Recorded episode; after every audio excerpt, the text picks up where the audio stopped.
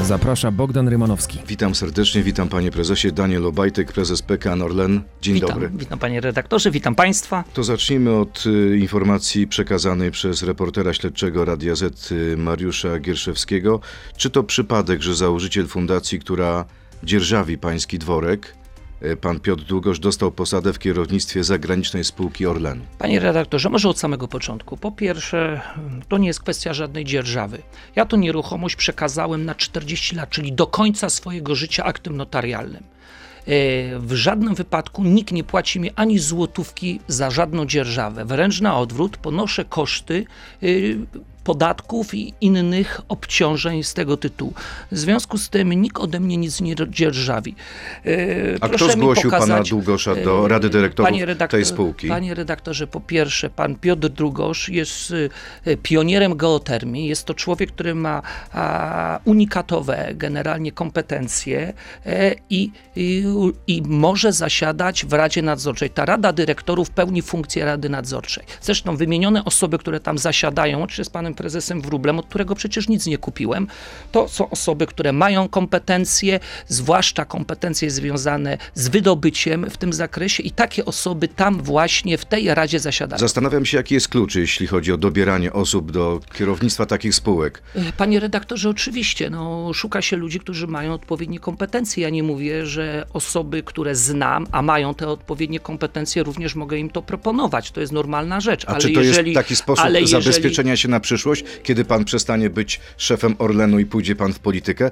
Y, Warto mieć przyjaciół po różnych stronach sceny politycznej? E, Panie redaktorze, to nie jest kwestia przyjaciół po różnej scenie politycznej, bo do polityki się, panie redaktorze, nie wybieram, tylko to jest kwestia kompetencji tych ludzi. I nie można tych ludzi niejednokrotnie skreślać z powodu tego, że kiedyś ewentualnie byli w jakiejś formacji politycznej. W żadnym wypadku. To jest kwestia kompetencji. Nie jest to Pan posada po znajomości? Nie, nie jest to posada po znajomości, jest to posada po kompetencjach, bo proszę zobaczyć sobie, jak, jakie te kompetencje mają ci ludzie. Trudno, żeby w radach nadzorczych nikt nie siedział. No przecież to jest normalna kwestia. Ile zarabiają tacy ludzie? Się, nie, to na pewno nie jest miesięcznie parę tysięcy euro. A to jest ile? zdec- nie, panie redaktorze, nie mogę takich rzeczy mówić, ale to jest zdecydowanie e, mniej. Chyba, Czyli że jeden, mówi się. dwa, trzy chyba, tysiące euro? No, coś w takim zakresie, chyba, że mówi się e, o wynagrodzeniu w kwestii całego roku. Natomiast jeszcze raz e, wrócę do kwestii dworku. Panie redaktorze, ja generalnie, moim marzeniem życia było zrobić dobrą rzecz dla dzieci, a szczególnie dzieci z zespołem Tureta. Przekazałem dworek do końca swojego życia. Nie mam z tego tytułu żadnych y, zysków, nie ma, nikt mi nie płaci żadnej dzierżawy, więc nie rozumiem. Już słyszę niejednokrotnie już od trzech lat o tym, a to jest generalnie, y, uważam, że to w żadnym wypadku nie można napiętnować, wręcz na odwrót. Czyli to, ja że ta osoba zachęcam- dostała posadę, to jest przypadek. nie. Ta osoba dostała posadę, bo jest odpowiednio kompetentna, ale nie ma nic wspólnego z kwestią dworku, ponieważ ta osoba nie wchodzi już w ciała statutowe tej fundacji, jest tylko twórcą tej fundacji. Panie prezesie, czy możemy my, kierowcy, tankować bezpiecznie na stacjach Orlenu po tym, co stało się w Koszalinie? Tak, panie redaktorze, my mamy 10 tysięcy zbiorników. To jest sytuacja, to jest incydent tak naprawdę, który zas- zaraz został usunięty. Y, Siedem osób zgłosiło się e, jako osoby poszkodowane. Od razu uruchomiliśmy w tym zakresie e, procedurę e, odszkodowawczą. Ja powiem, co się stało. tym, To jest stacja przy ulicy Holenderskiej w Koszalinie. E, Tam e, po zatankowaniu niektóre samochody zatrzymywały się po kilkuset metrach. Okazało się, że paliwo miało w sobie więcej wody niż benzynę. Tak, ponieważ jeden zbiornik się rozszczelnił, to jest stacja przejęta od grupy Lotos. Jeden zbiornik się rozszczelnił i dostała się po prostu tam woda. Natomiast paliwa mamy najlepszej jakości, nie badane przez naszych laboratoriach, ale oczywiście to było tylko zdarzenie incydentalne. Awarie się zdarzają. W momencie, kiedy mamy 10 tysięcy zbiorników, zawsze któryś może się rozszczelnić. Czy będą odszkodowania Tak, dla tych oczywiście. właścicieli samochodów? Tak, zgłosiło się do tej pory siedmiu użytkowników i takie odszkodowania będą wypłacone. Kiedy? To jest kwestia No, tygodni, na- miesięcy? Tak, tygodni. Panie prezesie, Donald Tusk y, niecały tydzień temu, albo ponad tydzień temu, nazwał pana jednym z największych oligarchów Putina. Zabolało to pana? Nie, no wie pan, no, to jest y, niepoważny polityk. No. To jest, y, często słyszę patologiczne wręcz kłamstwa u pana Donalda Tuska w tym zakresie. No, w żadnym wypadku. Jako jeden z prezesów, można powiedzieć, w pierwszej kolejności zacząłem dywersyfikację dostaw do Polski ropy, bo pragnę zaznaczyć, że Jeśli pan mówi, że to są patologiczne kłamstwa, wytoczy pan proces kłamstwa. panu przewodniczącemu Tuskowi? Tak, tak, badamy tą sprawę, e, ponieważ no, takich słów e, żaden rozsądny polityk nie powinien używać. I to ten polityk, który największe kontakty miał ze stroną rosyjską. Pragnę zaznaczyć, że za jego czasów zostały podpisane dwa kontrakty e, i wcale nie brali pod uwagę atak na Gruzję lub atak na Krym. Więc tam zostały wtedy podpisane zarówno Rosnieftem, jak i Tatnieftem konta- e, dwa kontrakty. Jeden z tych kontraktów został podpisany nawet w Petersburgu. Jeżeli znów mówimy o dostawy e, gazu do Polski, to pragnę zaznaczyć, że pan Donald Tusk wręcz chciał wydłużyć e, podpisanie kontraktu do 2037 o, roku. Dzięki blokadzie tak naprawdę Pałacu Prezydenckiego ta umowa z Gazpromem została podpisana do 2022 roku. Ale wie pan, dlaczego Donald Tusk powiedział? Kiedy wyszło na jaw, że Polska jeszcze w tym roku brała rosyjską ropę. Czy nie można było wcześniej zerwać kontraktu z Rosją? Panie redaktorze, ja nie robiłem z tego tajemnic. Od sześciu lat mówię o dywersyfikacji dostaw ropy do Polski. Co kwartał, co pół roku jeszcze przed wojną pokazywaliśmy, jak wygląda dywersyfikacja. Nawiązaliśmy strategiczne partnerstwo z największym producentem ropy na świecie, jakim jest Saudi Aramco, o, i, i informowaliśmy opinię publiczną o tym. Były dwa kontrakty, które, które jeszcze były podpisane za czasu u, u, pana prezesa Krawca. A jeden kontrakt wygasł e, w styczniu, drugi kontrakt wygasa 24 roku. Trudno generalnie zerwać kontrakt bez sankcji, panie redaktorze. Musielibyśmy, narazilibyśmy się na duże odszkodowania Ale i ja- tak te pieniądze wpłynęłyby do e, Putina. Ale ja pamiętam taką konferencję pańską y, na wolnym powietrzu, już nie pamiętam gdzie, kiedy pan mówił, pytany o tę sprawę kilka miesięcy wcześniej, że są takie możliwości, że się nad tym pan zastanawia. Ja dosłownie panu zacytuję, panie redaktorze, co mówiłem. Wyraźnie powiedziałem, że jestem przeciw dostarczaniu ropy z Rosji. I tak zrobiliśmy. Zrobiliśmy największy poziom dywersyfikacji w historii tego kraju. Gdybyśmy zaczęli dywersyfikować ropę w trakcie wojny, panie redaktorze, to nie zdążylibyśmy, bo taki proces dywersyfikacji trwa lata. I teraz co wtedy na konferencji powiedziałem? To ma sens, jeżeli będą sankcje europejskie, bo wtedy wyrówna się szanse rynków, bo nie może być tak, że jeden kraj bierze ropę i płaci za baryłkę o 30 dolarów więcej, a drugi kraj bierze ropę rosyjską i płaci o 30 dolarów Uważa mniej. pan, że nie popełnił pan błędu, nie W zrywając żadnym kontraktu? wypadku. Nie mogę zrywać kontrakt, bo płaciłem za ropę, którą nie odebrałem, panie To ja redaktorze. panu zacytuję dzisiejszy sondaż Radia Z. Aż 83,6% Polaków nie chce, żeby do kraju była sprowadzana rosyjska ropa, nawet jeśli wiązałoby się to z obniżeniem cen na stacjach benzynowych. E, tylko 11% badanych byłoby przychylna importowi tego surowca z Rosji. Czyli ludzie nie chcą Właśnie. ropy z Rosji.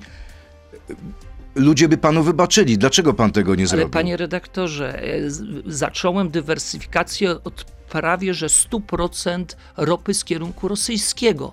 Zostało 10% ropy z kierunku rosyjskiego i tłumaczę panu, że to są umowy generalnie i zerwanie takich umów bez sankcji europejskich oznaczałoby potężne kary. Jakie kary? Jakiego rzędu? No, panie redaktorze, to są duże kary. Yy, obowiązuje tajemnica umów, trudno mówić teraz Ale o kwota umowach. milionów dolarów, To miliardów są bardzo dolarów. duże kwoty. To są, panie redaktorze, bardzo duże kwoty. W związku z tym, mało to, ale nie mamy już teraz tego problemu, w związku z tym, ponieważ po wizycie pana prezydenta Bidena mm, Rosjanie wstrzymali tłoczenie ropy y, Czyli do to była Polski. decyzja Rosji, a nie więc- Polski. Dokładnie, więc my będziemy wychodzić teraz na drogę prawną i domagać się roszczeń. I Panie tyle. prezesie, dlaczego pan wciąż upiera się i nie chce wpuścić do Orlenu kontrolerów NIK-u? Panie redaktorze, ponieważ y, niejednokrotnie to powtarzałem, e, w Orlenie nie ma środków publicznych. To jest biznes, to nie są środki publiczne. NIK, mam tu ustawę o NIK-u, jest powołany, jeżeli chodzi o środki rządowe, środki publiczne. E, W, w Orlenie w tych działach, gdzie są środki publiczne, choćby w rynku mocy, to my wpuszczamy NIK, ale jeżeli nie ma środków publicznych, tylko to są środki z biznesu, to trudno, mając cztery opinie prawne, byśmy wpuścili NIK. Dam panu przykład. Jeżeli my byśmy kupili jedną akcję Radia Z, to też NIK miałby prawo wejść do Radia Z i kontrolować? Kilka dni temu siedział w tym studiu pan prezes Banaś i mówił tak: Mamy prawo do przeprowadzenia kontroli, a obywatele mają prawo wiedzieć, na co środki zostały wydane. Czy nie mają do tego prawa? Ale panie redaktorze, ta spółka jest własnością akcjonariuszy, nie obywateli. To jest, to jest zasadnicza różnica. I mało to, my, my z tej spółki około 40 miliardów z biznesu przekazujemy środków do państwa z różnego typu działów. Prezes Banaś mówi, że to sytuacja bez precedensu. To się nie zdarzyło w ciągu 30 lat y, funkcjonowania Izby. bo przed panem prezesem Banasiem Izba nie wchodziła do spółek, generalnie jeszcze spółek mniejszościowych w tym, w tym zakresie. Mam tu przed sobą ustawę o NIK-u i panie redaktorze, e, i mamy opinie prawne, które wyraźnie mówią, że w tym obszarze nie ma środków publicznych i nikt nie ma podstaw do wejścia w tym zakresie. Panie prezesie, pora na krótką piłkę. Pięć krótkich pytań. Poproszę o krótkie odpowiedzi, jeśli to możliwe, tak albo nie. Jeśli pozostanę prezesem, benzyna będzie po 5 zł, tak czy nie? Nie, benzyna będzie po cenach wolnorynkowych. Nie pracuję dla zysku, a wyłącznie dla dobra Polaków, tak czy nie? Yy, panie redaktorze, pracuje dla dobra koncernu i dobra Polaków. Tego nie da się rozłączyć Płacę na kampanię PiSu, bo chcę, żeby wygrało. I oczywiście, jak chcę, żeby Prawo i Sprawiedliwość wygrało, nie robię z tego żadnej tajemnicy i, i wpłacam zgodnie z prawem. Po Orlenie chciałbym zostać premierem, tak czy Nie nie? w żadnym wypadku. Jeśli zwycięży opozycja, mogę się z nią ułożyć, W tak czy żadnym nie? wypadku nie. Uważam, że każdy prezes y, Orlenu musi mieć bezpośredni kontakt z premierem i z całym rządem. Y, wręcz byłby to paraliż w zarządzaniu. Daniel Obajtek, prezes PKN Orlen jest gościem Radia Z. Przechodzimy do części internetowej na Radio Z.pl, Facebooka i YouTube'a. To jest gość Radia Z. Panie prezesie, Marian Banaś, wracam do tego, co było w ubiegłym tygodniu w Radiu Z. Mówił w tym miejscu, że był pan przesłuchiwany e, przez NIK przez trzy godziny i to w bardzo kulturalny sposób odpowiadał pan na pytania kontrolerów.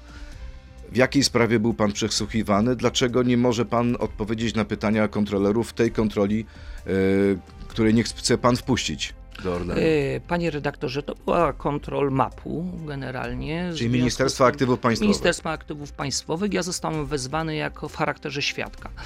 Ustawa wprost mówi, że w charakterze świadka nikt może tak naprawdę przesłuchać każdego obywatela w tej sprawie. W związku z tym zgłosiłem się do NIK-u na przesłuchanie. E, uważam, że tak trzeba, trzeba szanować prawo. To było bardzo przyjemna rozmowa. Generalnie wytłumaczyłem kontrolerom, na, co, na czym ten proces polegał ze względu na bezpieczeństwo państwa w tym zakresie, a najlepszą weryfikacją bezpieczeństwa tego państwa jest czas wojny.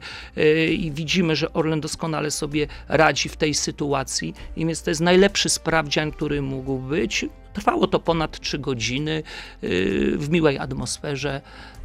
E, Wie pan, co mówi prezes Banaś? Że to nie jest pańska decyzja, że pan nie chce wpuścić kontroli, tylko decyzja Rady Nadzorczej, to prawda? Panie redaktorze, to nie jest tak, że prezes Orlenu jednoosobowo podejmuje wszystkie decyzje. Jeszcze są inne ciała i oczywiście e, wspólnie z zarządem, również na wniosek Rady, zleciliśmy opinie prawne w tym zakresie. E, I te opinie mówią jednoznacznie. Nie mamy prawa tam, gdzie nie ma środków publicznych, puszczać Najwyższej Izby Kontroli. To byłoby wielkim problemem później dla nas z jednej prostej sprawy. Narazilibyśmy się prywatnie na odszkodowania. No, panie redaktorze, my musimy wszystkich akcjonariuszy traktować tak samo, zgodnie z kodeksem spółek handlowych. Ale jeżeli wszystko jest ok, jeśli wszystko jest w porządku, co to za problem? Jeżeli jestem czysty, pokazuję to Ale panie kontrolerom. redaktorze, ale my pokazujemy to, no przepraszam bardzo. Mamy, raportujemy na giełdę, panie redaktorze. E, e, decyzje są podejmowane przez ciała statutowe, podejmowane są przez walne w tym zakresie. No przecież, e, panie redaktorze, bez mała 100% akcjonariuszy było za połączeniem Orlenu z Lotosem i, i z PGNiG-iem. Czyli co, odbieramy generalnie, mówiąc, y, y, decyzje, szanse właścicielom firmy. Przecież właścicielem firmy są akcjonariusze, a nie obywatele. I tu jest ta różnica. A wie pan, co jeszcze mówi prezes Banaś? Między... Że chodzi tak naprawdę o sprawdzenie kontraktów e, sponsoringowych No i widzi pan, i tu jest... na kwotę 3 miliardów złotych. Ja, ja powiem panu szczerze, no jak usłyszałem tą kwotę, to się za głowę chyciłem, to jest po pierwsze, zaraz panu redaktorowi powiem, to jest y, kwota na marketing, sponsoring i komunikację, to jest około 0,25%, jeżeli mówimy o przychody. Koncerny podobnej wielkości wydają od 1 do 2%, a jeżeli mówimy o marketingu, sponsoringu, to przecież te pieniądze to nie jest darowizna, panie redaktorze. My budujemy wartość marki.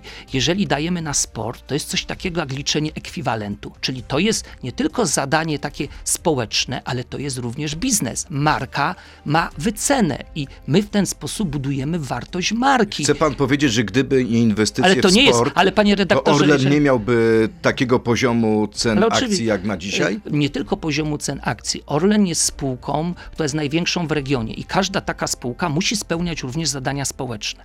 I my te zadania po- społeczne łączymy również z biznesem. Takim zadaniem społecznym jest inwestowanie w sport, a przecież marketing to, y, to jest, y, a przecież marketing też jest biznesem. No przecież promowanie, różnego rodzaju spoty reklamowe, to wszystko jest biznes tak naprawdę. To buduje e, tak naprawdę biznes. Mało to, jeżeli ja słyszę kwotę 3 miliardów, to pragnę zaznaczyć, że to jest po prostu niebywałe. No chyba, że ta kwota jest z 8 czy z 10 lat, więc... To ile więc, wynosi dzisiaj więc, tak Panie ta redaktorze, kwota? ja mogę powiedzieć o kwestii publikacji za rok 2021 i za rok 2021 to jest 0,4 tak naprawdę. Więc to są 0,4 do od przychodów? Do przychodu. przychodów, panie redaktorze, więc nawet jak sobie jaka pan, to jest kwota w no, liczbach wie pan, proszę sobie załóżmy wziąć przychód, tylko to jest y, Orlenu w roku 2022 to było 278,5 miliarda. Czyli A jeżeli mówimy o 0,4003, no to, to, to wychodzą setki, a nie miliardy. Tak Setki naprawdę. milionów. Tak, ale a nie wychodzą w żadnym wypadku miliardy. Panie prezesie, to po, nie jest prawda. pora na e, serię pytań od naszych e, słuchaczy. Jarosław Sobolewski, w nawiązaniu do tego, co, e, o czym rozmawialiśmy. Jeśli pana zdaniem pańskie działania w Orlenie są zgodne z prawem, to dlaczego unikacie kontroli z NIK-u mimo wyroku sądu, który potwierdził, że NIK ma prawo was kontrolować? Sąd nie potwierdził, że nikt ma prawo nas kontrolować. To była kwestia, oddaliśmy sprawę do prokuratury, bo uważamy, że prokuratura, prokuratura odrzuciła wniosek NIK-u. No oczywiście NIK zaskarżył to do sądu i sąd y, generalnie w swoim wyroku uznał, że prokuratura powinna w tym zakresie y, przyjąć i sprawdzać y, te czynności, więc tu nie ma żadnego wyroku w tym zakresie przez, to jest tylko, no właśnie, natomiast, natomiast panie redaktorze, ja jeszcze raz podkreślam, uważamy, że nikt nie ma prawa sprawdzania środków niepublicznych. To jest biznes, ja złamałbym w tym zasadzie e, prawo, co naraziłoby mnie na mm, odszkodowanie. Kolejne pytanie, wąski. Kiedy benzyna po 5 zł i dlaczego nie za pańskiej kadencji? Panie redaktorze, benzyna będzie po 5 zł dopiero wtedy, gdy rynek to podyktuje tak naprawdę. Nie tylko nasz rynek, ale i europejski i światowy. A jaką pan widzi perspektywę na najbliższe e, miesiące? Panie redaktorze, teraz no, mało to, że nie przełożyliśmy VAT-u, więc tu bardzo mocno też pomogliśmy firmom i przedsiębiorcom, którzy mogli sobie więcej odliczyć VAT-u, a z drugiej strony od trzech tygodni obniżamy cenę choćby oleju napędowego, to jest około 30 groszy i jeszcze jedno chcę podkreślić, nie jesteśmy y, użytkownikiem rynku, są też inne stacje i tu właśnie jest bardzo nieuczciwe podejście do Orlenu, ponieważ widzimy na innych stacjach nawet wyższe e, ceny i tam politycy nie robią różnego rodzaju spotkań, eventów, gdzie obok mają stacje innych międzynarodowych koncernów, gdzie są zdecydowanie większe ceny i tu nie widzę żadnych protestów y, pod tym względem, więc panie redaktorze, staramy się, a z drugiej No, ale strony tam te ja spółki mają już udział, to y, tłumaczę, udział państwa? Ale panie redaktorze, co, ma, co, co za różnica, czy jest udział państwa, czy nie? Państwo jest tak samym akcjonariuszem, jak inni akcjonariusze. W Orlenie państwo nie ma 100% akcji, tylko 49,9% Kolejne akcji. pytanie. Grzegorz Jankowski. Jako pracownik stacji chciałbym zapytać pana prezesa, czy wie ile zarabia netto pracownik stacji z logo Orlenu i czy uważa, że rekordowe zyski kierowanej przez pana spółki idą w parze z wynagrodzeniem pracowników tankujących samochody klientom Orlenu? Panie redaktorze, tak się składa, że my cały czas podnosimy pracownikom w tym e, roku przeznaczyli, w tamtym roku przeznaczyliśmy duże kwoty na podwyżki i cały czas podnosimy. To nie jest tak, oczywiście zawsze każdy chce zarabiać więcej. Zdajemy sobie doskonale z tego sprawy i będziemy starać się cały czas te właśnie kwoty urealniać e, w tym zakresie. Ale jeżeli pan sprawdzi sobie okres 6 lat, ile mieli pracownicy podniesione, to na pewno o, w tych 6 lat mieli podniesione najwięcej, ej, porównując wcześniejsze lata do tyłu, ale ja to rozumiem. Nigdy nikt do końca nie będzie zadowolony z zarobków i uważam, że te zarobki muszą zdecydowanie być większe. Zwłaszcza kiedy porówna się zarobki pracowników Orlenu i zarobki kierownictwa Orlenu. Słyszał pan o zawiadomieniu o popełnieniu przestępstwa e, przez posłów Platformy, pani Agnieszka Pomaska i Cezary Tomczyk. Zarzucili panu, że nie dość, że ma pan gigantyczną pensję, to jeszcze dodatkowo pobiera pan, cytat, nielegalnie dodatkowe wynagrodzenia. Za ubiegły rok miał pan pobrać blisko milion złotych premii. Czy to prawda? Panie redaktorze, no trudno mm, odnosić się gigantyczne pensje. Panie redaktorze, pragnę zaznaczyć, że w momencie, kiedy pan y, poprzedni prezes, pan Krawiec był prezesem za czasu Platformy Obywatelskiej, to zarabiał praktycznie 100% więcej niż ja. A pan ile zarabia dzisiaj? Mimo iż koncert, panie redaktorze, ustawa wprost mówi o 15-krotności w, w tym zakresie. 15-krotności, bo rząd Prawa i Sprawiedliwość miał odwagę zredukować zarob, zarobki w spółkach Skarbu Państwa. 15-krotności Chcę czego? panu powiedzieć, w historii Orlenu, w historii Orlenu, w ciągu 25 lat jestem najmniej zarabiającym prezesem w historii Orlenu. Ja nie mówię, że to są małe zarobki, ale Orlen, panie prezesie? panie redaktorze, y, to jest 15-krotność 15-krotność. Natomiast, panie redaktorze, w historii Czyli Orlenu. zarabia pan około jestem, 180 e, tysięcy? No nie, no, panie redaktorze, no Ile? skąd się komuś wzięło ile- 180? ile pan no proszę, panie 15-krotność prezesie? policzyć przez krotność, to na pewno nie wychodzi tyle. To jest około 100 tysięcy brutto. Rozumiem. Netto, panie redaktorze, Okej. to będzie około 45-6 tysięcy złotych. Ale jeżeli, wie pan, to jest publikowane, więc to nie jest żadna nowość. Jest też druga część wynagrodzenia, ale to jest za efekty tak naprawdę, jeżeli się uzyska pewne A te efekty. premie są pana zdaniem Y, legalne czy nielegalne? Ale proszę pana, ale wszystko jest, proszę pana, legalne. No przecież w Orlenie, proszę pana, nie ma możliwości, że prezes sobie podejmuje decyzję. Jest rada nadzorcza, chcę panu powiedzieć, są e, odpowiednie analizy prawne, są prawnicy i wszystko jest, panie redaktorze, legalne. To jest jedna podstawowa sprawa. Ja bardzo bym prosił, żeby pani Pomaska czy inny pan poseł zainteresowali się właśnie zarobkami za ich czasów, które były tak naprawdę oderwane od rzeczywistości, mówiąc zupełnie szczerze, mimo iż koncert ocierał się o płynność, a niejednokrotnie miał strat. Kolejne pytanie. Wiktor Święcicki. Czy prawdą jest, że kupujemy ropę od Saudyjczyków, a ci kupują ją od Rosji? Czy prawdą jest, że Saudyjczycy kupują tanią rosyjską ropę, a nam sprzedają ją dwa razy drożej? Czy kupując od innych rosyjską ropę, uznaje pan, że wszystko jest ok? Nie, no to jest totalna bzdura. Saudyjczycy są największym producentem em, ropy, proszę Państwa, na świecie. Ropę wydobywają na swoich polach naftowych i jest to totalna bzdura. Nie tylko my kupujemy od Saudyjczyków ropę, również kupują Anglicy, również kupują Francuzi, również ropę kupują Stany Zjednoczone. Jest to największy producent ropy i właśnie takie rzeczy są w przestrzeń, by, by osłabić wiarygodność. Saudyjczycy są statutem naszego tu bezpieczeństwa z racji tego, że mamy stałe dostawy, nieprzerwane dostawy dobrej, ga- A dobrego jak pan ocenia dzisiaj kontakty Saudyjczyków z, z Kremlem? No wie pan, ja nie widzę kontaktów Saudyjczyków dziś z Kremem, wręcz na odwrót. Widzę, że minister spraw zagranicznych Zjednoczonego Królestwa Arabii Saudyjskiej był w Kijowie, a nie w Moskwie.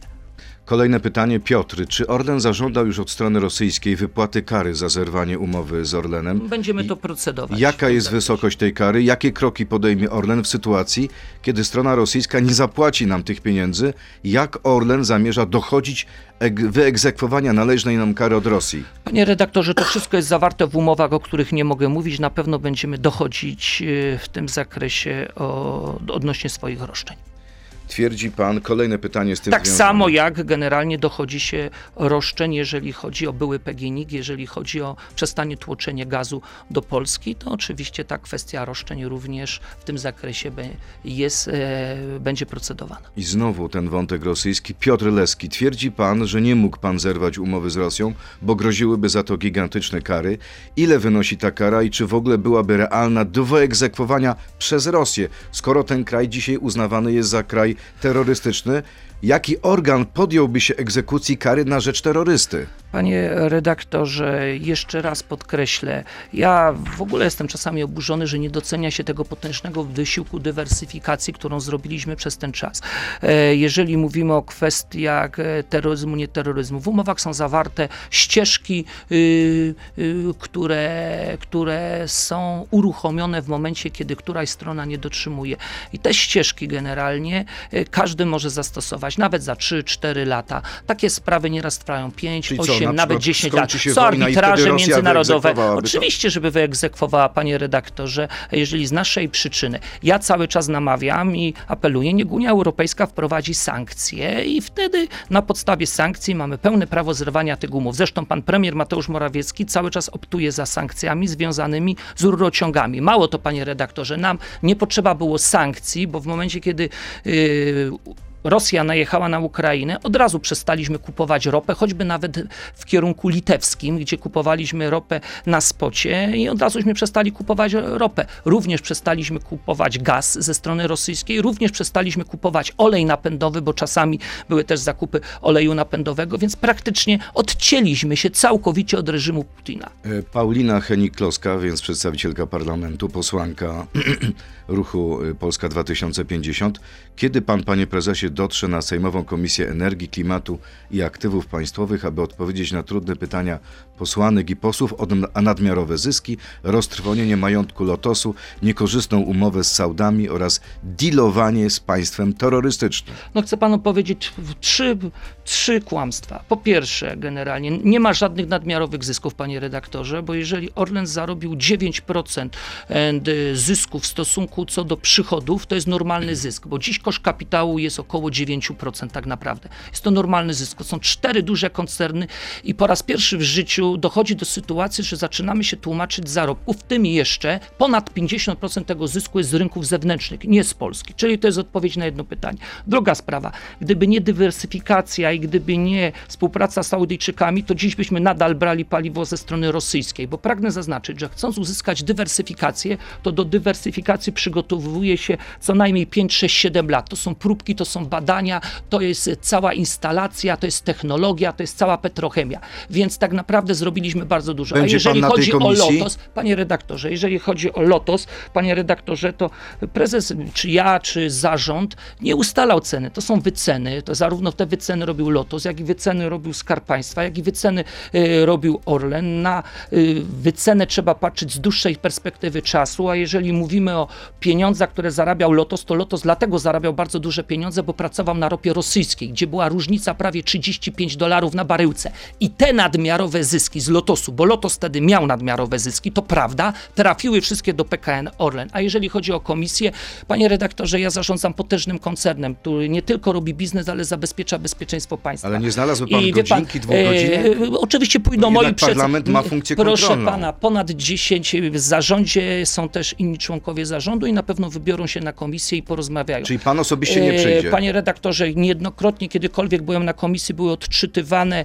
kartki poza tematem, które polegały tylko na obrażaniu, a zero merytoryczności Uważa w tym pan, że to zakresie było. czasu, komisja E, sejmowa? Uważam, że jest więcej obrażania niż merytoryczności w tym zakresie. Oczywiście wstawimy się na komisję e, w godnym składzie w tym zakresie Ale nie pewne osobiście, rzeczy wytłumaczymy. pan. Zobaczę, jeżeli będę miał czas, to osobiście, jeżeli nie będę miał czasu, pójdzie któryś z członków zarządu, który również posiada tą samą wiedzę co ja. Panie prezesie, a propos, pan powiedział, że nie ma żadnych nadmiarowych zysków. To dlaczego kilka dni temu wicepremier Sasin mówi po raz kolejny o tym, że wprowadzony zostanie podatek od nadmiarowych zysków i mówi tam o Orlenie, Nie, o panie pańskiej redaktorze, firmie. panie redaktorze, tam pan premier Sasin użył takiego słowa, że Orlen bardzo mocno inwestuje i, i, i dał Ale to może do porównania. pańskiej firmy. E, Panie redaktorze. Jest pan my- przeciwko temu Ale podatkowi? oczywiście, że jestem przeciwko z jednej prostej przyczyny, bo myśmy, my już generalnie wpłacamy 14 miliardów na rzecz zamrożenia cen gazu tak naprawdę. 14 miliardów, czyli więcej nawet niż generalnie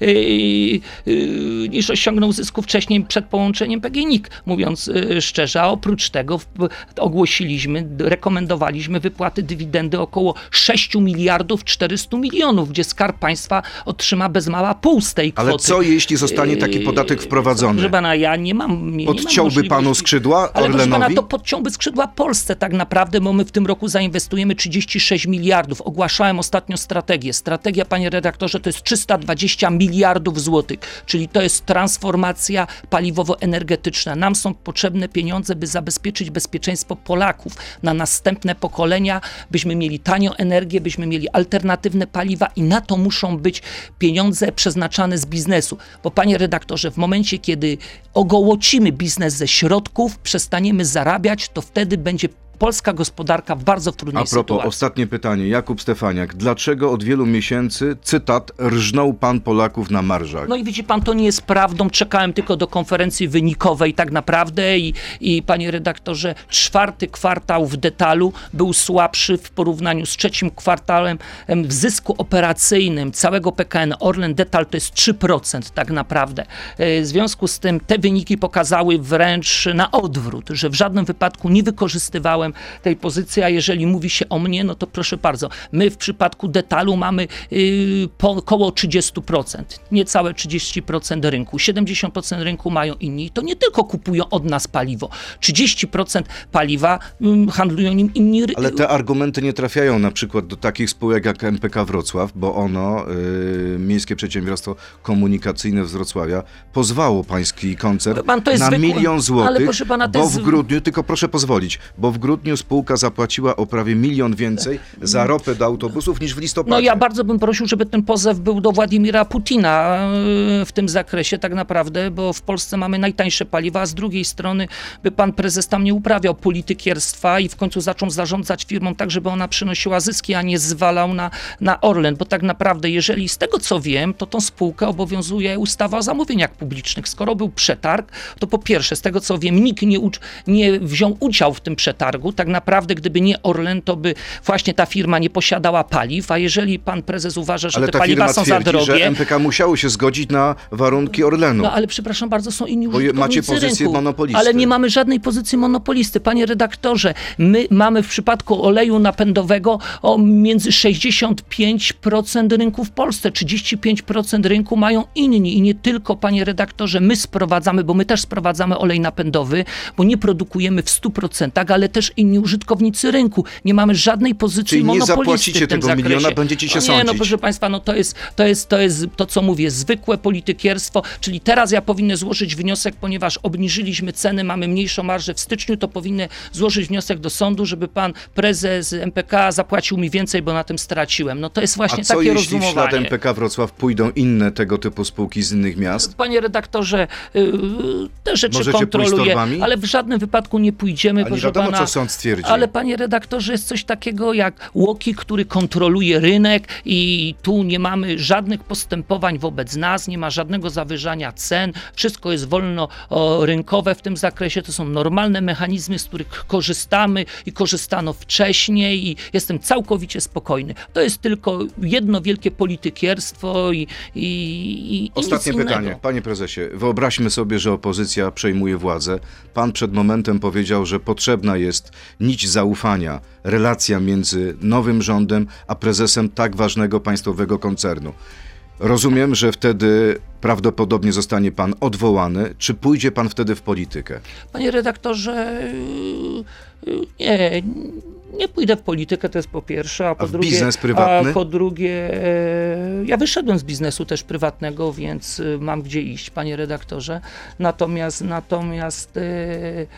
Nie ciągnie pana Orlen- polityka? Orlen, Ludzie mówią od wielu miesięcy, że być może powinien zostać Obajtek premierem. Nie, nieprawdą jest, panie redaktorze. Prawda, ja bardzo to- to cenię są pana spekulacje. premiera. To są spekulacje tylko i wyłącznie, by napuścić pana premiera na mnie. To, jest, to są takie chwyty, które cały czas się stosują. Chce pana, e, Panie napuścić premiera na pana. e, To jest właśnie takie skłócenie, ponieważ my mamy bardzo dobre relacje z panem premierem, współpracujemy. No, Orlen, który będzie miał być może w tym roku przychód około 500 miliardów złotych, trudno, żeby nie e, pracował z rządem, gdzie skarb, budżet państwa to jest ponad 600 miliardów, a tu 500 miliardów. Czyli mówiąc wprost, jest- nie wyobraża pan sobie współpracy z premierem Donaldem Tuskiem?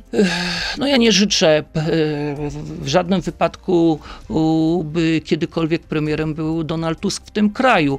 Będąc w Orlenie widz, widzę historię mafii paliwowych, widzę historię e, w ogóle innych anomalii, widzę współpracę z Rosjanami to w zakresie gazu, w zakresie ropy, widzę, widziałem naprawdę, no, niestety pan Donald Tusk dla mnie jest politykiem, który no, bardzo często mija się z prawdą. Panie prezesie, ja widzę zegar, musimy już kończyć. Bardzo dziękuję za rozmowę. Gościem Radia Z był Daniel Obajtek, prezes Orlenu. Dziękuję bardzo. Bardzo dziękuję.